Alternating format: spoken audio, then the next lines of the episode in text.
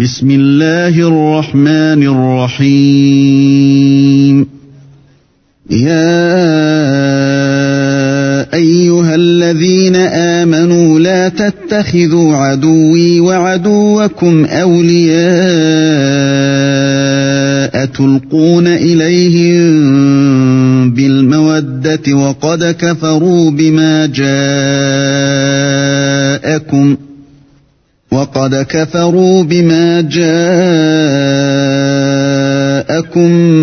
من الحق يخرجون الرسول وإياكم أن تؤمنوا بالله ربكم إن كنتم خرجتم جهادا إن كنتم خرجتم جهادا في سبيلي وابتغاء مرضاتي تسرون إليهم بالمودة وأنا أعلم بما أخفيتم وما أعلنتم ۖ ومن يفعله منكم فقد ضل سواء السبيل Au nom d'Allah, le tout miséricordieux, le très miséricordieux. Ô vous qui avez cru, ne prenez pas pour allié mon ennemi et le vôtre, leur offrant l'amitié, alors qu'ils ont nié ce qui vous est parvenu de la vérité. Ils expulsent le messager et vous-même parce que vous croyez en Allah votre Seigneur. Si vous êtes sortis pour lutter dans mon chemin et pour rechercher mon agrément, leur témoignerez-vous secrètement de l'amitié alors que je connais parfaitement ce que vous cachez et ce que vous divulguez? Et quiconque d'entre vous le fait s'égare de la droiture du sentier.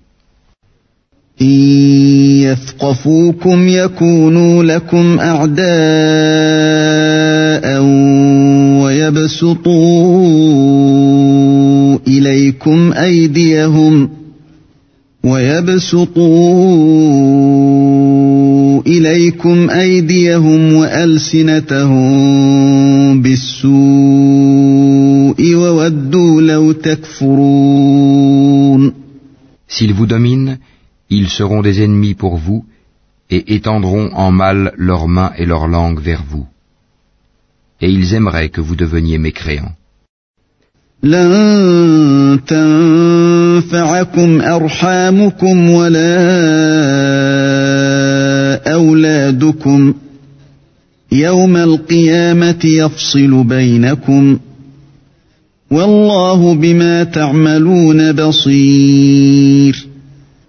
Ni vos proches parents, ni vos enfants ne vous seront d'aucune utilité le jour de la résurrection, Allah décidera entre vous, et Allah est clairvoyant sur ce que vous faites.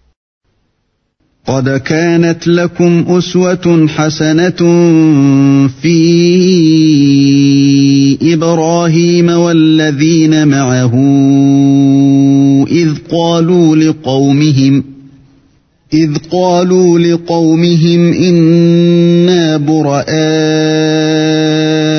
منكم ومن تعبدون من دون الله كفرنا بكم وبدا بيننا وبينكم وبدا بيننا وبينكم العداوة والبغضاء أبدا حتى تؤمنوا بالله وحده إلا قول إبراهيم.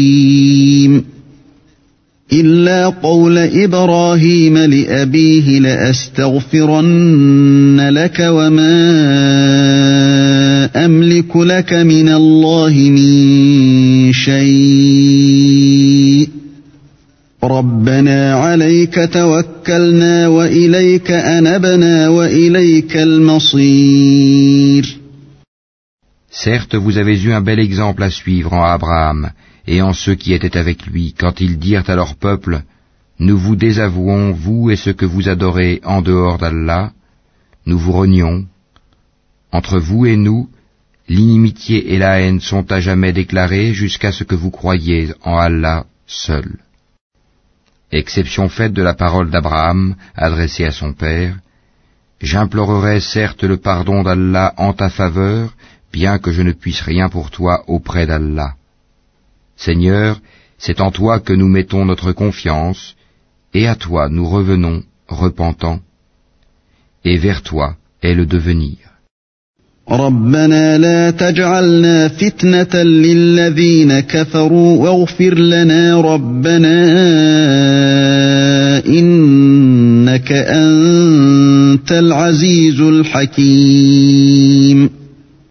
Seigneur,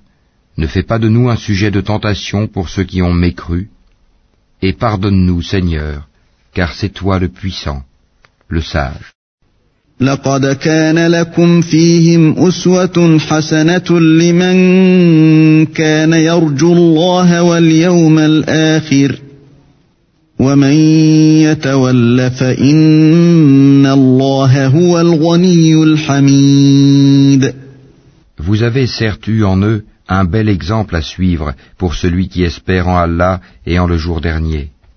Mais quiconque se détourne, alors Allah se suffit à lui-même et est digne de louange. عسى الله أن يجعل بينكم وبين الذين عاديتم منهم مودة والله قدير والله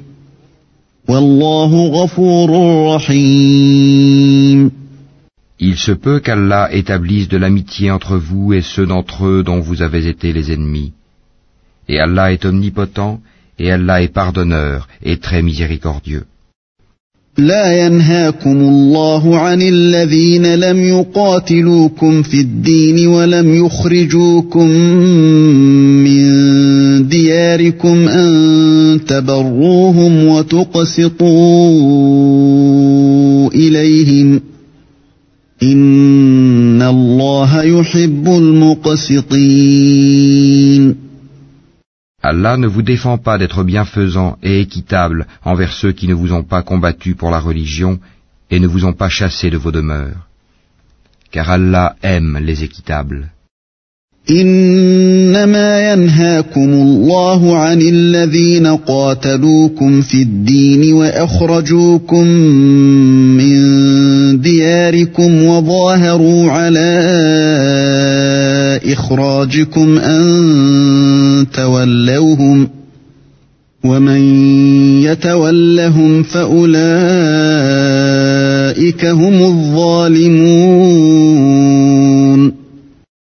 Allah vous défend seulement de prendre pour alliés ceux qui vous ont combattu pour la religion, chassé de vos demeures et ont aidé à votre expulsion. Et ceux qui les prennent pour alliés sont les injustes. يا ايها الذين امنوا اذا جاءكم المؤمنات مهاجرات فامتحنوهن الله اعلم بايمانهن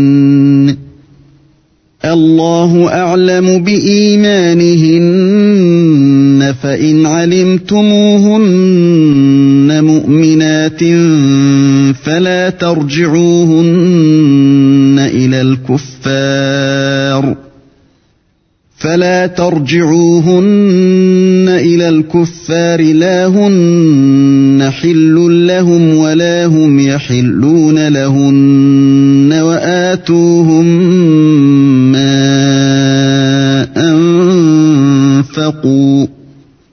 ولا جناح عليكم أن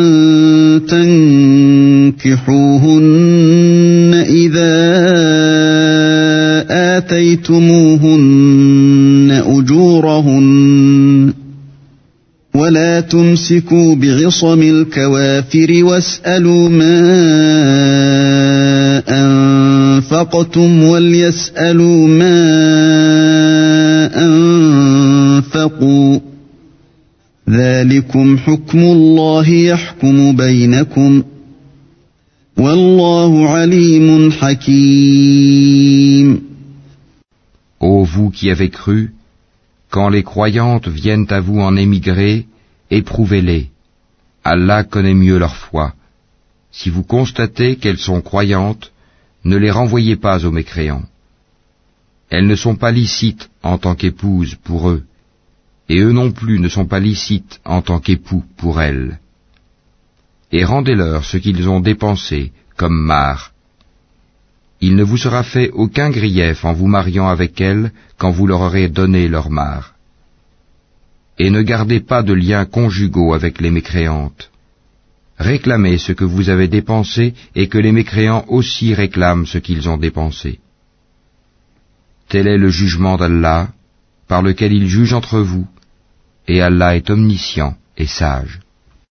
وإن فاتكم شيء من أزواجكم إلى الكفار فعاقبتم فآتوا الذين ذهبت أزواجهم مثل ما أنفقوا واتقوا الله الذي مؤمنون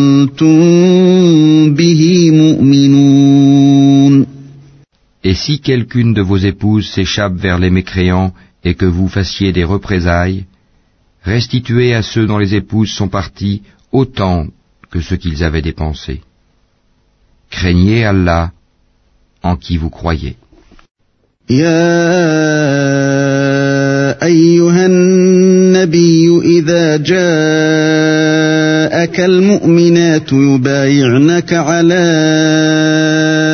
ألا يشركن بالله شيئا ولا يسرقن ولا يزنين ولا يزنين ولا يقتلن أولادهن ولا يأتين ببهتان يفترينه بين أيديهن وأرجلهن ولا يعصينك ولا يعصينك في معروف فبايعهن واستغفر لهن الله إن الله غفور رحيم Ô prophète, quand les croyantes viennent te prêter serment d'allégeance et en jurent qu'elles n'associeront rien à Allah, qu'elles ne voleront pas, qu'elles ne se livreront pas à l'adultère, qu'elles ne tueront pas leurs propres enfants, qu'elles ne commettront aucune infamie ni avec leurs mains ni avec leurs pieds,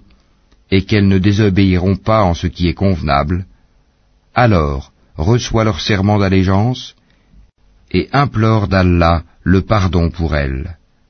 Allah est certes pardonneur et très miséricordieux.